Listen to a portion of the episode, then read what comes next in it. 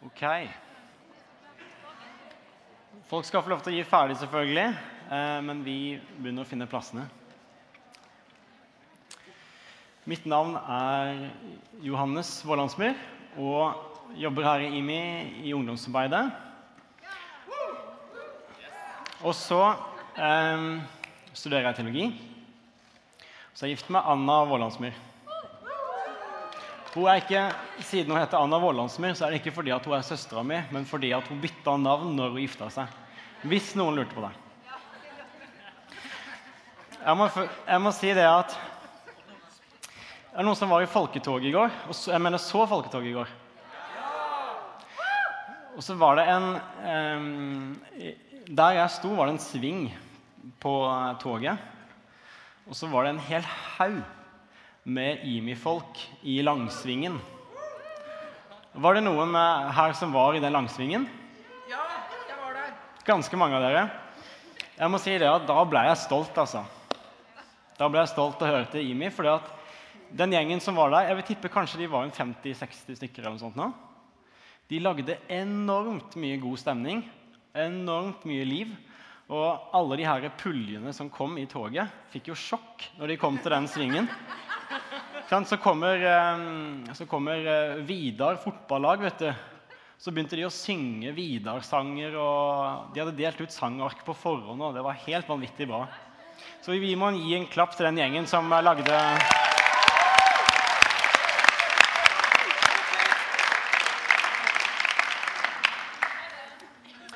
Er det noen som vet hva temaet er i dag?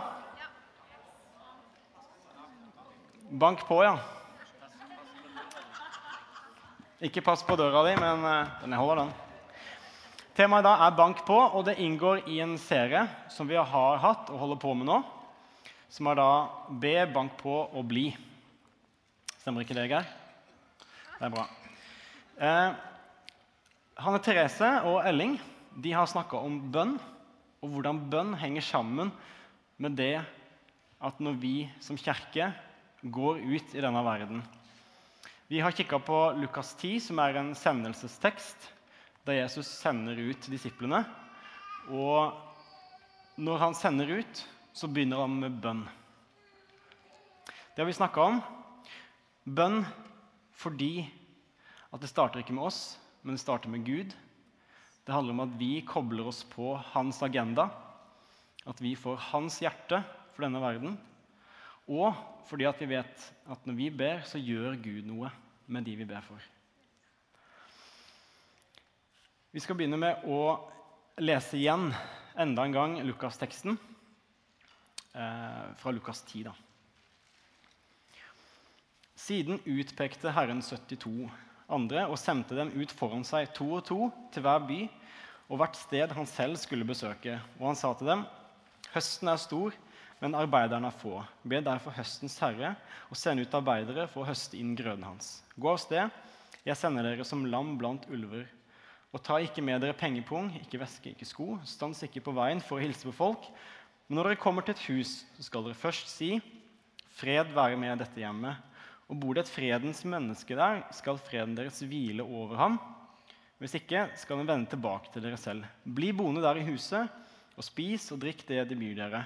For en arbeider er verd sin lønn. Flytt ikke fra hus til hus. Og når dere kommer inn i en by, og de tar imot dere, så spis det de setter fram for dere. Helbred de syke der, og si Guds rike er kommet nær til dere. Men når dere kommer til en by, og de ikke tar imot dere, gå ut på gaten og si, selv støvet vi har fått på føttene i byen deres, kan dere beholde. Vi børster det av oss. Men det skal dere vite, Guds rike er kommet nær, og jeg sier dere, på dommens dag skal Sodoma slippe lettere enn denne byen. Det er spesielt tre vers vi skal kikke på i dag. Men før vi gjør det, så må vi sette dette litt inn, det vi skal snakke om, litt i en litt større ramme. Så Spørsmålet er hvorfor angår denne teksten deg? Dette er altså sendelsen av de 72 disiplene for 2000 år siden. Hva har det med oss å gjøre? Jo, det har noe med oss å gjøre fordi at vi som kristne er Jesu disipler. Omtrent på samme måte som disiplene til Jesus var det. Kanskje ikke som de tolv apostlene, for det de hadde en spesiell autoritet, sånn at de kunne skrive Nytestamentet og sånn. Det har ikke vi. Men de 72, derimot, De står på samme nivå som oss. Vi er disipler, og derfor er vi en del av Kirkens kall og tjeneste i denne verden. Så Derfor angår denne teksten deg, fordi du er en kristen, du er en disippel av Jesus. Ok, Se for dere at Jesus står foran de 72. Han skal sende de ut og gi dem en sånn final peptalk om hvorfor og hvordan være på misjonstur. For det er jo det de skal. Men denne misjonsturen det er ikke bare en engangshendelse. Men den skal bli kirkens puls og identitet. Teksten sier noe viktig om hvordan det er å være en kristen og leve livet som kristen. At ditt liv er å være på en misjonstur. Derfor bruker vi så mye tid på denne teksten så mange søndager pga. det handler om kirkens og våre, og våre liv sin identitet som kristne. Men det skal vi komme tilbake til, akkurat det jeg sa nå. Så se for dere Jesus. Han står foran dem og sier OK, OK, gutter og jenter. Nå må dere høre godt etter. Jeg skal gi dere noen punkter for hvordan det skal være, om hvorfor hvordan dere er på misjonstur. Punkt 1, det begynner med sendelse. Jesus sender ut i 72 til steder han selv skal besøke. Og Det er ikke tilfeldig at han begynner med sendelse, for det er egentlig det teksten totalt sett handler om. Det handler om sendelse. Som sagt, Denne teksten er en tekst om hvordan en disippel skal leve et liv i misjon. Men hva er et liv i misjon? Eller hva er det å leve det vi kan kalle for et misjonalt liv? For å svare på det spørsmålet så må vi begynne med Gud. Vi tilhører en Gud som er i bevegelse i denne verden som konstant står og kikker og leter etter alle de sønner og døtre som har kommet bort. Og han sendte Jesus til verden for å forsone verden med seg sjøl. Og så sender Jesus oss, Kirken, til å gå ut med det gode budskapet om at veien hjem er åpen. Og Jesus sa den gangen, og han sier i dag, på samme måte som Faderen har sendt meg, sender jeg dere. Det er ikke småtteri. Så et liv i misjon det handler først og fremst om å forstå at vi tilhører en Gud som er i bevegelse, som har en agenda i denne verden. Som kirke så tar vi del i denne bevegelsen. Det er ikke sånn at Gud blir mer på det vi holder på med, men vi prøver å koble oss på det Gud gjør i denne verden. Hvem er Kirkens hode? Det er Jesus. Og Jesus han er i bevegelse i denne verden. Og Hvis kroppen ikke følger med i hodet, så går det gærent. Og dette om at Kirken ikke gjør misjon, men er misjonal, det er på en måte så elementært at det er som å si at et hjul, det er rundt. Hvis et hjul ikke er rundt, så står det i fare for ikke å være et hjul. Og hvis en kirke ikke er misjonal, så står det i fare for ikke å være en kirke. Det blir litt som sånn smørf på flesk å si at en kirke skal være misjonal, men det normale har blitt unormalt så lenge at det har blitt unormalt for de som tok den. Kirken er ikke primært en institusjon, en bygg eller organisasjon, men det er folket i kirka. Og Derfor så er det vi som er sendt til denne verden. Ikke bare Kirken som en institusjon eller som organisasjon, men vi som individer og fellesskap. Og Vi er sendt med de gode nyhetene om at Guds rike er nært. At Gud ikke har vendt ryggen til denne verden. Men ved Jesus blir han en av oss. Og hvis en død og oppstandelse har han forsonet verden med seg sjøl, slik at hver den som tror på han, ikke skal gå fortapt, men ha evig liv.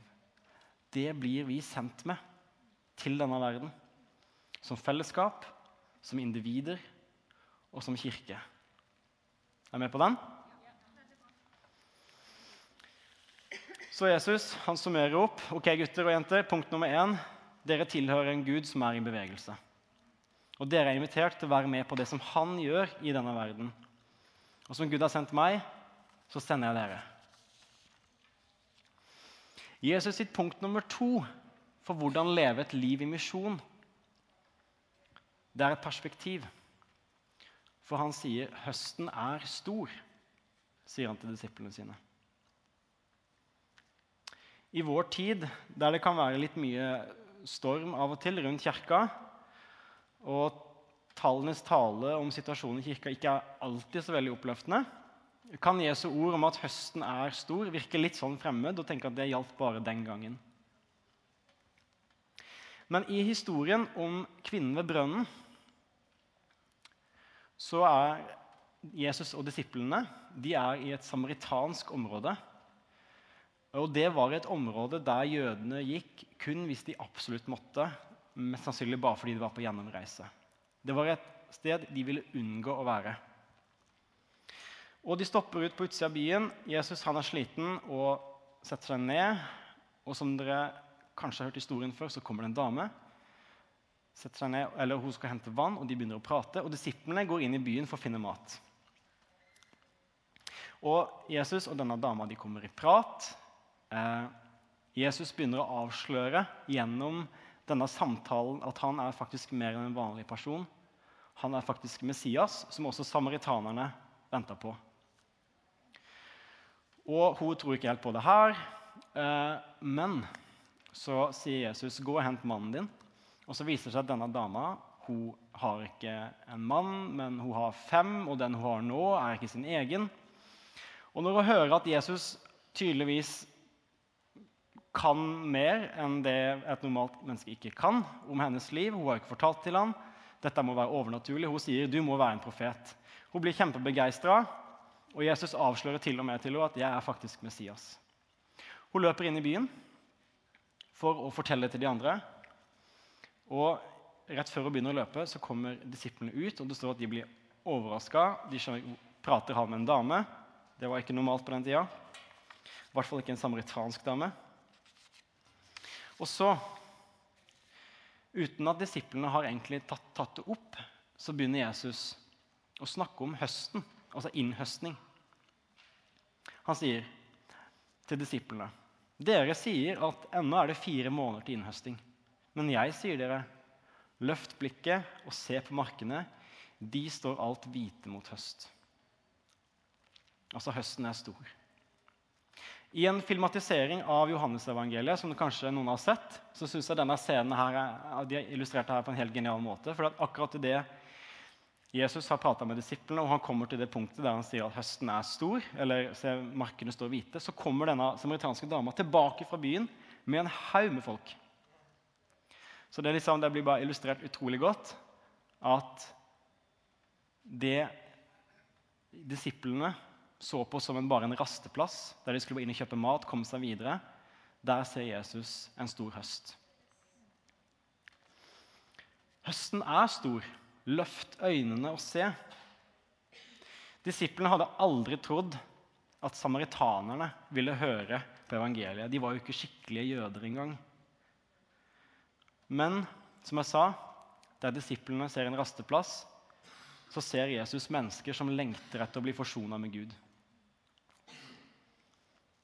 Og kanskje må vi løfte blikket for vår arbeidsplass, for vår for vårt nabolag, for vår vennegjeng.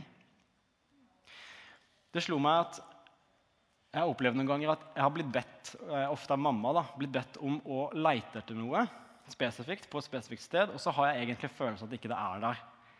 Og Jeg går og leiter, og det har slått meg at jeg leter uten å egentlig å lete. Og noen som har erfart noe lignende? For du, egentlig, du tror egentlig den er jo ikke der, så du liksom bare Nei, den var ikke der. Ikke sant? Hvis ikke vi tror at høsten er stor, så vil vi ikke se den. Og Det er en utfordring til oss i dag. Men det vi som kristne vet, det er at alle mennesker er skapt i Guds bilde. Og Det betyr at alle mennesker dypest sett lengter etter å bli forsona med Gud, lengter å komme hjem til Gud. Om disiplene var i Samaria eller om de var i Judea, så visste Jesus dette. Alle mennesker lengter dypest sett etter å komme hjem til Gud. Og så kan det være sånn, sånn som Paulus sier eh, i 1. Korinterne 3,6. Han sier at Paulus var plantet, Apollos vannet, men Gud ga vekst. Altså Det kan være noen som har gått foran deg til den situasjonen du kommer i, men det kan også være at det er noen som kommer etter deg. En skal ikke undervurdere det en selv gjør, eller det kanskje noen har gjort før deg. Så selv om det kanskje ikke ser ut som høsten er stor, sånn som det var i eksempelet for disiplene, så kan det være at det har gått noen foran dem, men det kan også være at det kommer noen etter dem.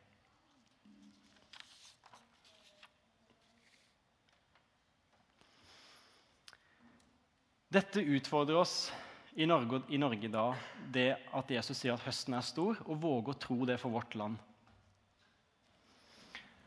Statistikkene som jeg nevnte i stad, de ser ikke alltid så veldig lyse ut.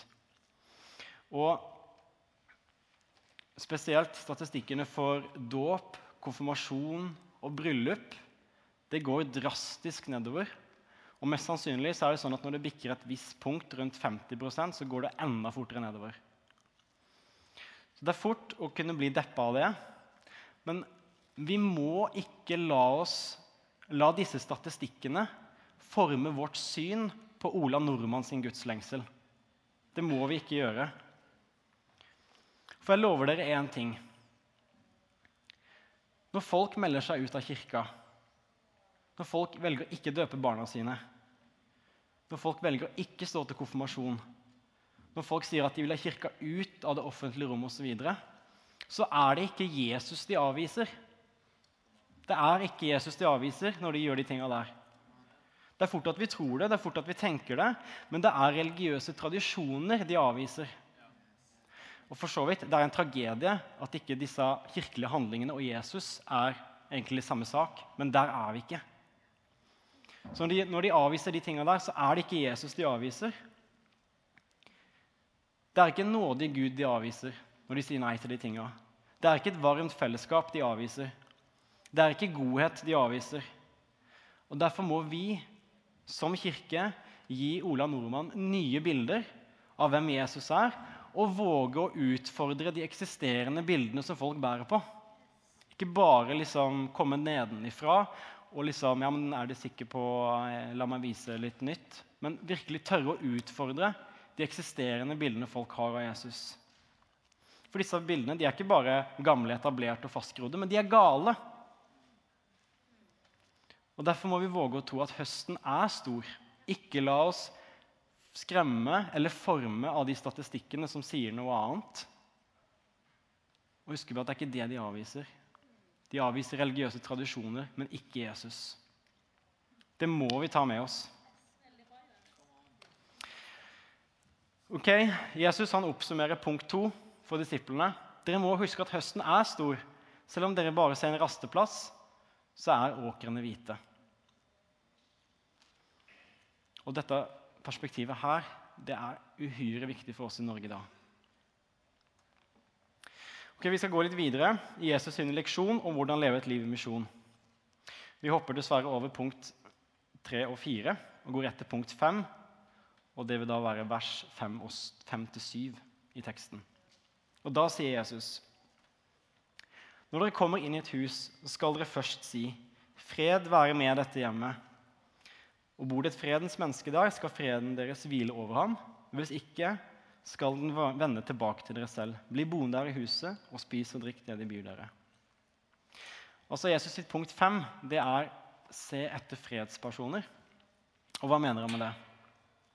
Jo, når Jesus sier at han sender dem ut til steder han selv skal besøke, så kan han likså godt ha sagt jeg sender dere ut til steder jeg allerede har vært, eller jeg allerede er disiplene de hadde ikke fått helt tak på det med treenigheten ennå. At Jesus, eller Jesu ånd eller ånden kunne liksom være et sted Jesus ikke var. og sånne ting. Så jeg tror Det var det grunnen til at Jesus ikke, Jesus ikke gikk inn på det. For det hadde blitt trøbbel av. Jesus prøvde å forklare det en annen gang når han sa 'Jeg er Faderen er ett'. De skjønte det ikke. Så her så sier han bare 'Gå dere, jeg kommer'. Men egentlig så har han allerede vært der.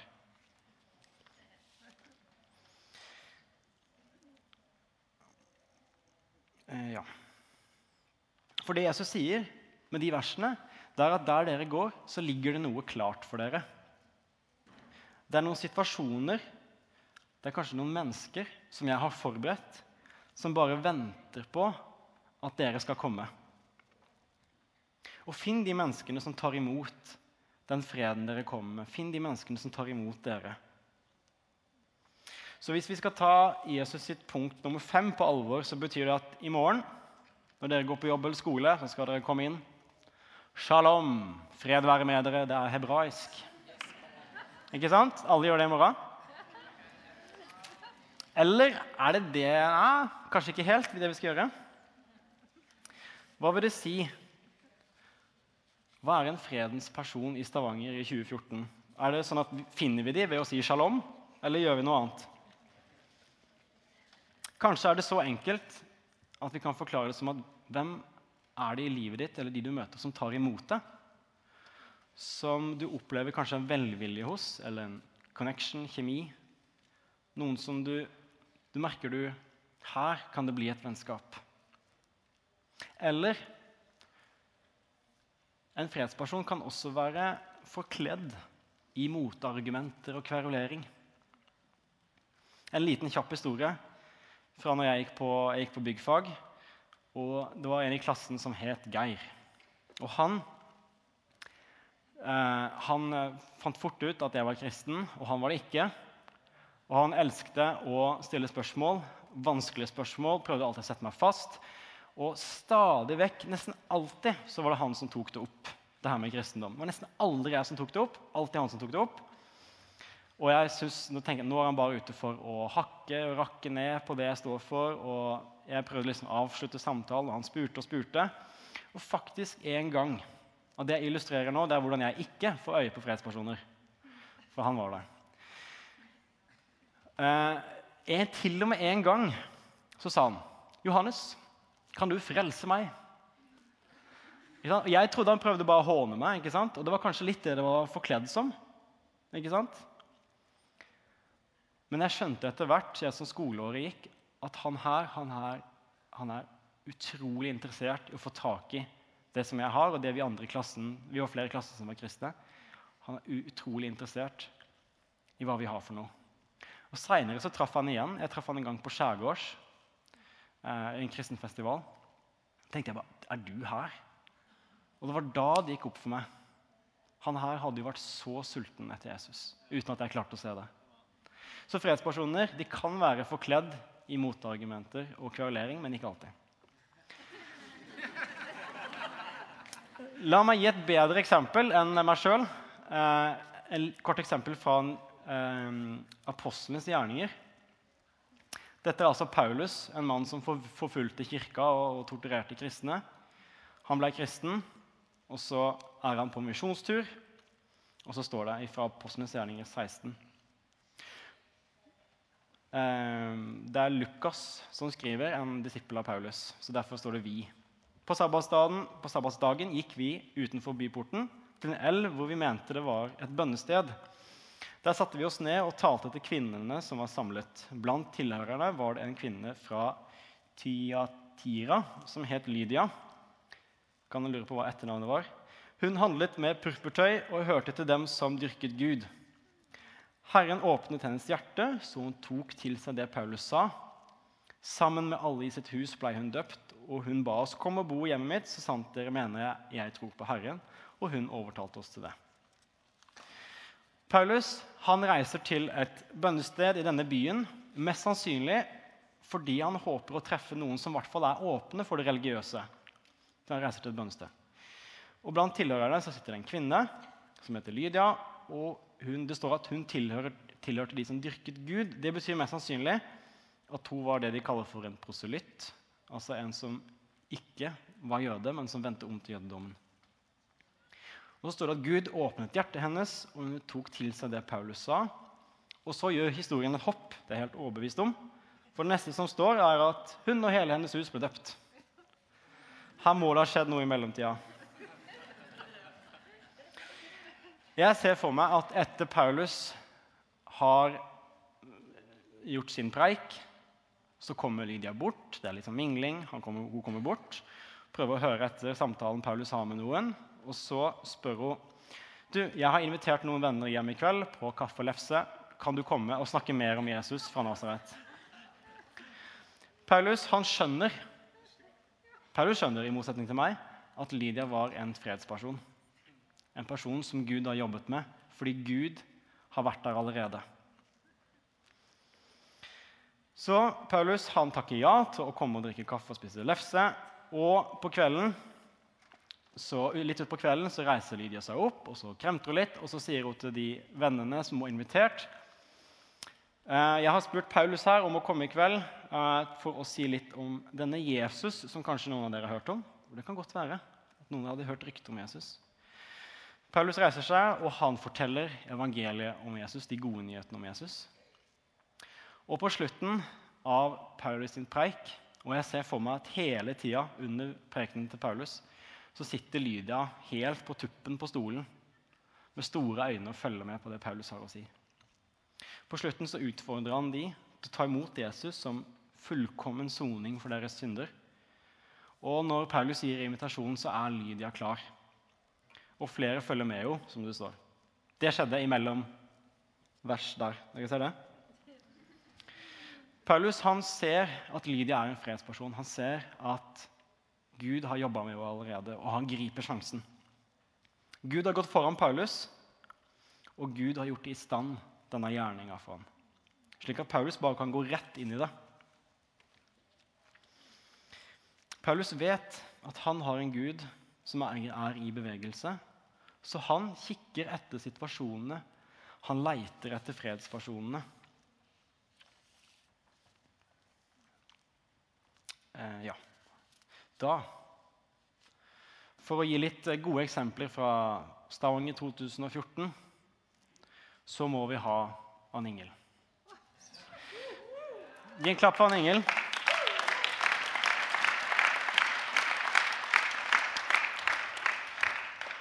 Jeg har spurt Anne Engel å dele en eller to historier eh, om hvordan hun har erfart det å få øye på fredspersoner, og hvordan hun har gått fram. Hvordan det har gått. Vær så god, Anne Engel. Ja. Eh, jeg vil først fortelle om eh, når vi begynte å gå på gata og be for syke her eh, for noen år siden. Så ganske i starten da, så satt vi i kapellet og lytta etter kunnskapsord før vi gikk ut.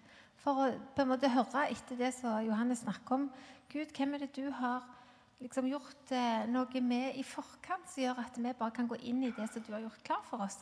Så da fikk vi forskjellige kunnskapsord, og den dagen så møtte jeg ei dame som stemte på en måte i forhold til det kunnskapsordet vi hadde fått. I forhold til noe som noe kjennetegn med den dama. Jeg snakket med henne og fortalte om det, og hun ble ganske berørt og overraska, selvfølgelig. Og da begynte en kontakt som varte faktisk til hun døde i fjor i juni. Eh, og det som skjedde med henne, det var at når hun møtte oss og møtte meg på gata og ville ha mer, det var at eh, fra å ha på en måte bare parkert Jesus langt bak Hun hadde aldri sagt nei til Jesus, men hun hadde ikke Jesus som en bevisst del av hverdagslivet sitt lenger. Så fikk hun kontakt med Jesus igjen. Han ble en levende del i hennes liv. Hun hadde med seg hjem i stua. Hun møtte meg. Hun var av og til her. Hun hadde av og til mannen sin med seg, som ikke er kristen, men som eh, heide på henne. Eh, og når jeg fikk fylle henne, og hun ikke ble frisk og helbreda, men hun faktisk døde ifra oss, så fikk jeg være med å fylle ei dame som fikk livet tilbake med Jesus. Sånn at når hun døde, så visste hun at hun gikk til himmelen for å være med han for alltid. Og det var en utrolig Selvfølgelig både vonde fordi at det gikk som det gikk, men samtidig den fantastiske erfaring av at Gud har gjort klar noe mm. og noen. Og den andre dama som jeg har lyst til å fortelle om, som jeg har fått lov òg, og det er Margrethe, som jeg møtte for 10-12 år siden. Da, hadde, da var Tora 10-12 år. Og Tora er min eldste datter. Hun hadde da tatt med seg venninna si her på IMI, invitert henne med til det som da skjedde her på søndagene for den aldersgruppa. Og så viser det seg at mor til denne venninna egentlig har en lengsel, egentlig på jakt etter Jesus igjen. Hun har vært kristen før, men hun har gått vekk fra han, og hun vil egentlig ha med han å gjøre. Så når hun hørte at Tora hadde invitert dattera, så ble hun med. Og jeg hilste på henne for første gang da. Og hun er en av mine aller, aller beste venninner nå. Eh, fordi at Det som da skjedde, det var at jeg traff hun, og jeg skjønte at vet du hva, denne dama For hun var ganske åpen også, Denne dama vil ha med Jesus å gjøre. Så det begynte med en kveldsmat etterpå hjemme hos meg. Jeg gikk med henne på alfakurs. Hun tok imot Jesus, og hun er kristen i dag. Eh, og hun kunne ikke være her nå og fortelle, så jeg skulle få lov å fortelle det for henne. Men det har vært fantastisk å se at vi banker på, men så blir vi òg banket på til. Sånn at av og til er det bare til å rett og slett respondere og bruke tid og se hva Jesus gjør. Og der, I tillegg fikk jeg meg ei venninne. Fantastisk. Ja. Konge. Takk skal du ha.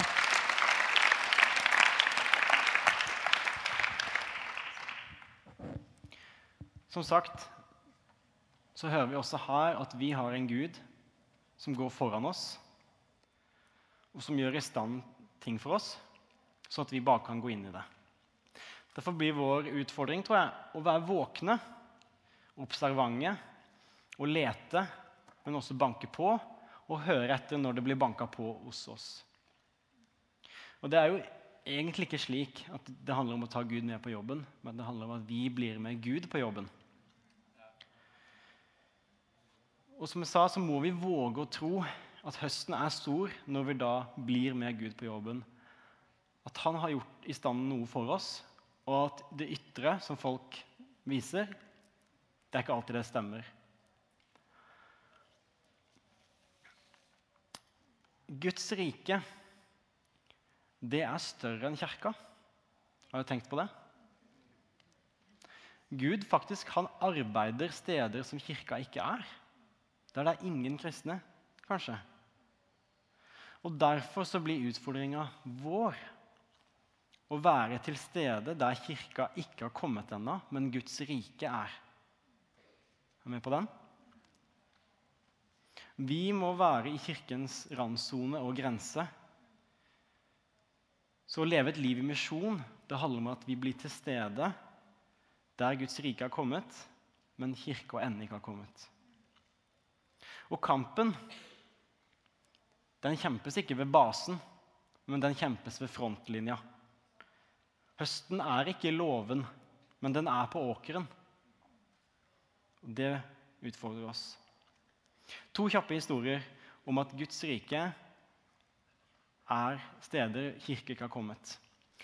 Jeg har hørt opptil flere ganger om muslimer i strenge muslimske land de har kanskje hørt om Jesus i Koranen, men som opplever at Jesus kommer dem til en drøm og viser seg for dem i drømmen. Jesus er åpenbart til stede og arbeider stedet kirke ikke har kommet. Og En muslim som har fått en drøm om Jesus, er det en fredsperson? Åpenbart. Det er en fredsperson. Og Derfor så må jo vi være der. En annen historie som jeg hørte, det var om en, om en, australsk forfatter. Han vant til og med eh, Nobels litteraturpris. Og han var ateist, han var kommunist, og han var ivrig eh, kritiker av kirka. Og han var homofil og bodde sammen med sin mann på en gård i Australia. Og han var kanskje ikke den typen eh, som man forventer Eh, ønsker å ha noe med kirka å gjøre. Og det var han egentlig veldig tydelig med òg, at det ville han ikke. Det sies, det har han skrevet sjøl i sin selvbiografi, at han opplevde eh, bare legge til det, at han sa sjøl, og han hadde et rykte for å være ekstremt arrogant som person. Det, liksom, det ryktet likte han egentlig. For han var jo så sinnssykt flink da til å skrive bøker. Så det var egentlig helt greit. Han opplevde, og det skriver han sjøl i sin selvbiografi, at det var en gang som det hadde bøtta ned med regn. Det var gjørmekaos på utsida av huset, og de hadde en hundegård på andre sida av huset. Og Han skulle da gå fra hovedhuset bort til hundehuset med to svære dunker med hundefôr. Eh, de hadde mange hunder. Og mens han går der, og det pøser ned, så sklir han og lander med et plask i gjørma dekka i hundefôr. Og mens han ligger der, så skriver han sjøl at han er helt sikker på at han hørte en stemme som sa på engelsk, og beklager språkbruken Who the hell do you think you are? Og han, idet han hørte det, så var han helt overbevist om at det var Jesus. Som han hele livet trodde var en løgner og gal mann. Men idet han hørte det, det er Jesus. Og han ligger der og i gjørma og tygger på denne setninga. Så går han inn til sin mann og sier det. Til søndag går vi i kirka.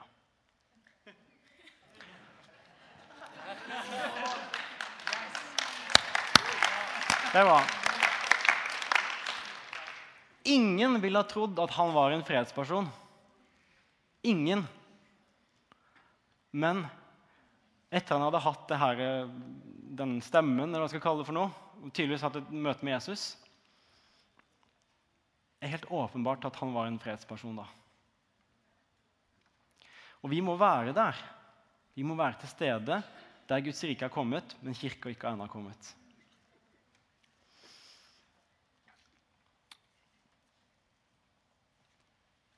Det at det jeg nettopp sa, at det er sant, det må forme vårt syn på nabolaget, på jobben og på de menneskene vi omgås med. Så vil jeg bare nevne noen, noe som kanskje kan være litt hindringer for oss noen ganger. Og det er det at vi kan være veldig redde for avvisning. For det er helt klart at det er, en, det, er en, det er en potensiell fare, og det sier Jesus. At hvis dere kommer til dere ikke tar imot dere, bestøv av føttene Det Jesus sier at ikke ta dere nær av det, men gå videre. Så vi må våge å, å, å møte vår frykt for avvisning når vi skal gjøre det her. Og det krever mot, og vi kommer ikke utenom det. At vi må våge å ta et skritt. Vi må våge å banke på. Og En annen ting som kan være en hindring, men som eh, når jeg tenkte på det her, jeg var grubla på, på, om jeg skulle si det eller ikke si det, for jeg tror egentlig ikke det er noe så veldig relevant eh, for vårt miljø, men det er absolutt eh, relevant i en del kristne miljøer. Og det er en misforståelse av om hvilken grad kirka eller kristne kan på en måte involvere seg i verden.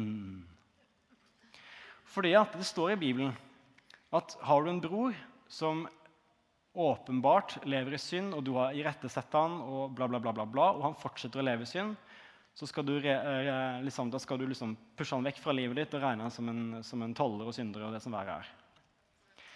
Og så har jo vi, og vi lever i en folkekirkekontekst der nesten alle er kristne på papiret. Og så har det ut ifra det vokst fram en sånn tankegang at de som ikke lever som kristne, som lever på en måte usømmelig og fælt og galt, de skal vi holde oss vekk fra. Som jeg sa, jeg tror ikke dette er så veldig relevant for oss, men det har dessverre vært en del av vår historie som kirke at vi skal holde oss vekke fra verden. Og jeg hørte en historie fra en, en, en fyr som heter Tim. Eh, han er en venn av Imi. Han bor i Sveits, og han eh, er sånn misjonalpastor i denne kirka han går i. Og hadde, de hadde en sånn der, eh, litt lignende lys i mørket, som buss i byen på lørdagskvelder. Og han utfordra cellegruppelederne til å ta med cellegruppene sine og bli med og komme ned til byen lørdagskveld. Og Responsen han fikk fra cellegruppelederne, det var det tør vi ikke, for vi er redd for at det skal gi en dårlig påvirkning på de cellegruppene våre. Der har du den tankegangen. Men det blir jo som å, at du er redd for å ta med sønnen på Viking Vålerenga-kamp fordi du er redd for at sønnen skal bli VIF-supporter. Ikke sant? Det er jo høl i huet.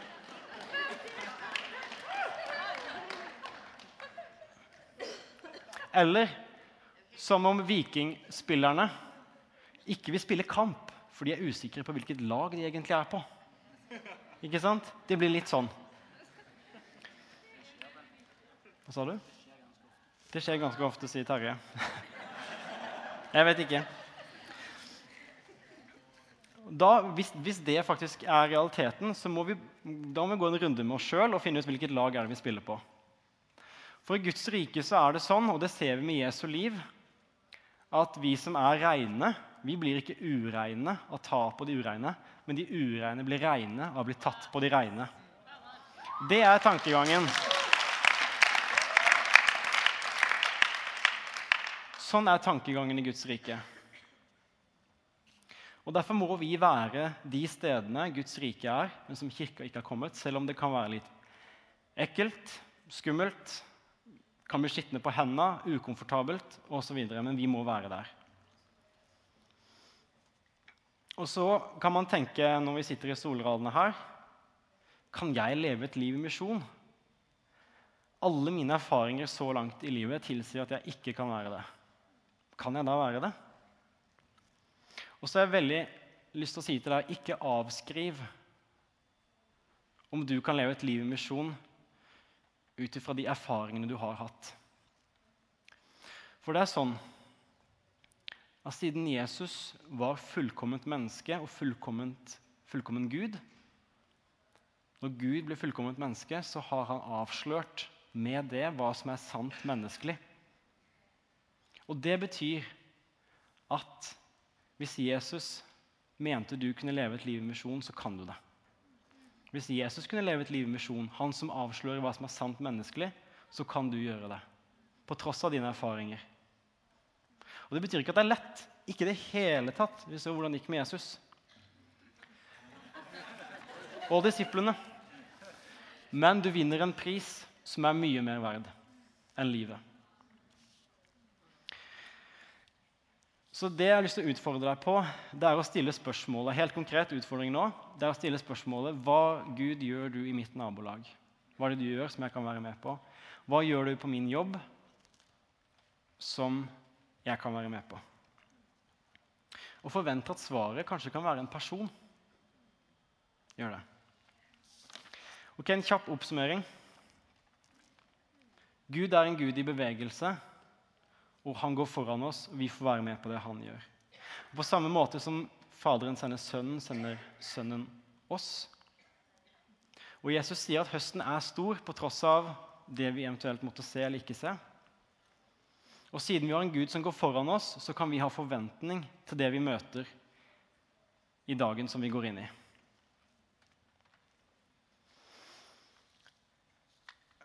Og så har jeg tenkt på hvordan skal vi hvordan skal vi avslutte det her? Hvordan skal vi respondere på det her? Og jeg har lyst til å avslutte med Peter, fordi at han avviste Eller ikke avviste, men fornekta Jesus tre ganger når han rett før hadde lova at jeg skal gjøre alt for deg.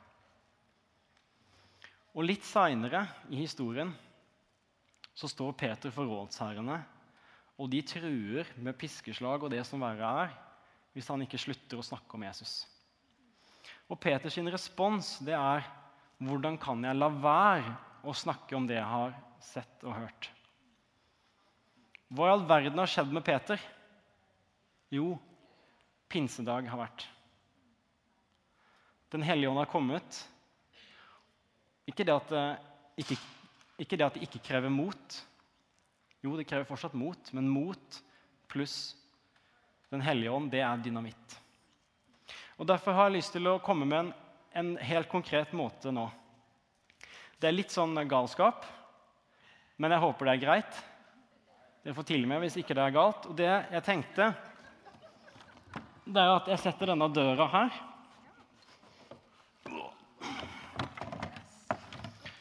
Cirka der. Med døra åpen. Sånn. Og så lurte jeg på Må alle de som er forbedre, om de har lyst til å stå på to rekker bak døra her. Og så har jeg ut, lyst, til å utfordre deg som kjente at dette har traff deg. Dette har jeg lyst til å være med på. Jeg har lyst til å gå, jeg har lyst til å banke på. Jeg har lyst til å handle på det. Og det er klart at det at du går gjennom døra nå i kveld, det betyr ikke at du nødvendigvis gjør det vi har snakka om på jobben i morgen, men det er en god begynnelse. På at du sier at 'dette vil jeg være med på', 'dette vil jeg gjøre noe med'. Jeg vil ikke tie lenger, men jeg vil være der at ikke jeg kan la være å snakke om det jeg har sett og hørt.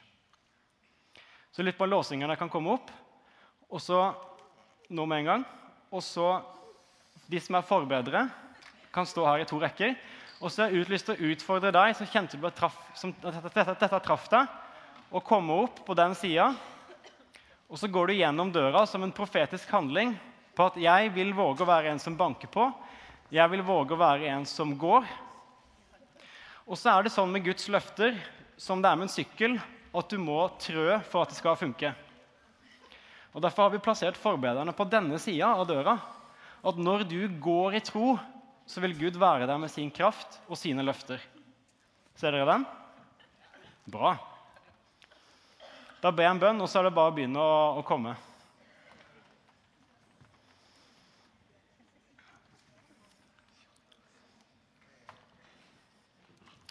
Kjære Jesus. Kjære Jesus, jeg takker deg.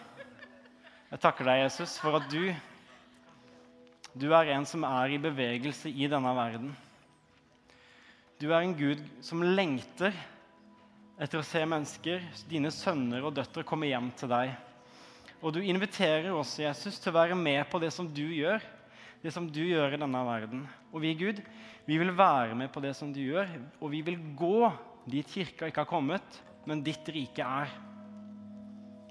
Så jeg ber Gud at du skal sende oss i kveld som fellesskap og som individer. Så ber jeg at du skal sende oss, Jesus, på nytt til våre, våre nabolag, til våre venner, til de som ikke tror rundt oss. Kom, Hellige Ånd. Kom, Hellige Ånd. Og så ber vi om at sånn som på pinsedag, at du kommer med din hellige ånd og kraft og salver oss til dette. For du lar oss ikke bli igjen som, som foreldreløse barn, men du går for å sende noe enda bedre, faktisk. Den hellige ånd, som bor i våre hjerter. Det krever fortsatt mot, men mot og Den hellige ånd, det blir dynamitt. Amen.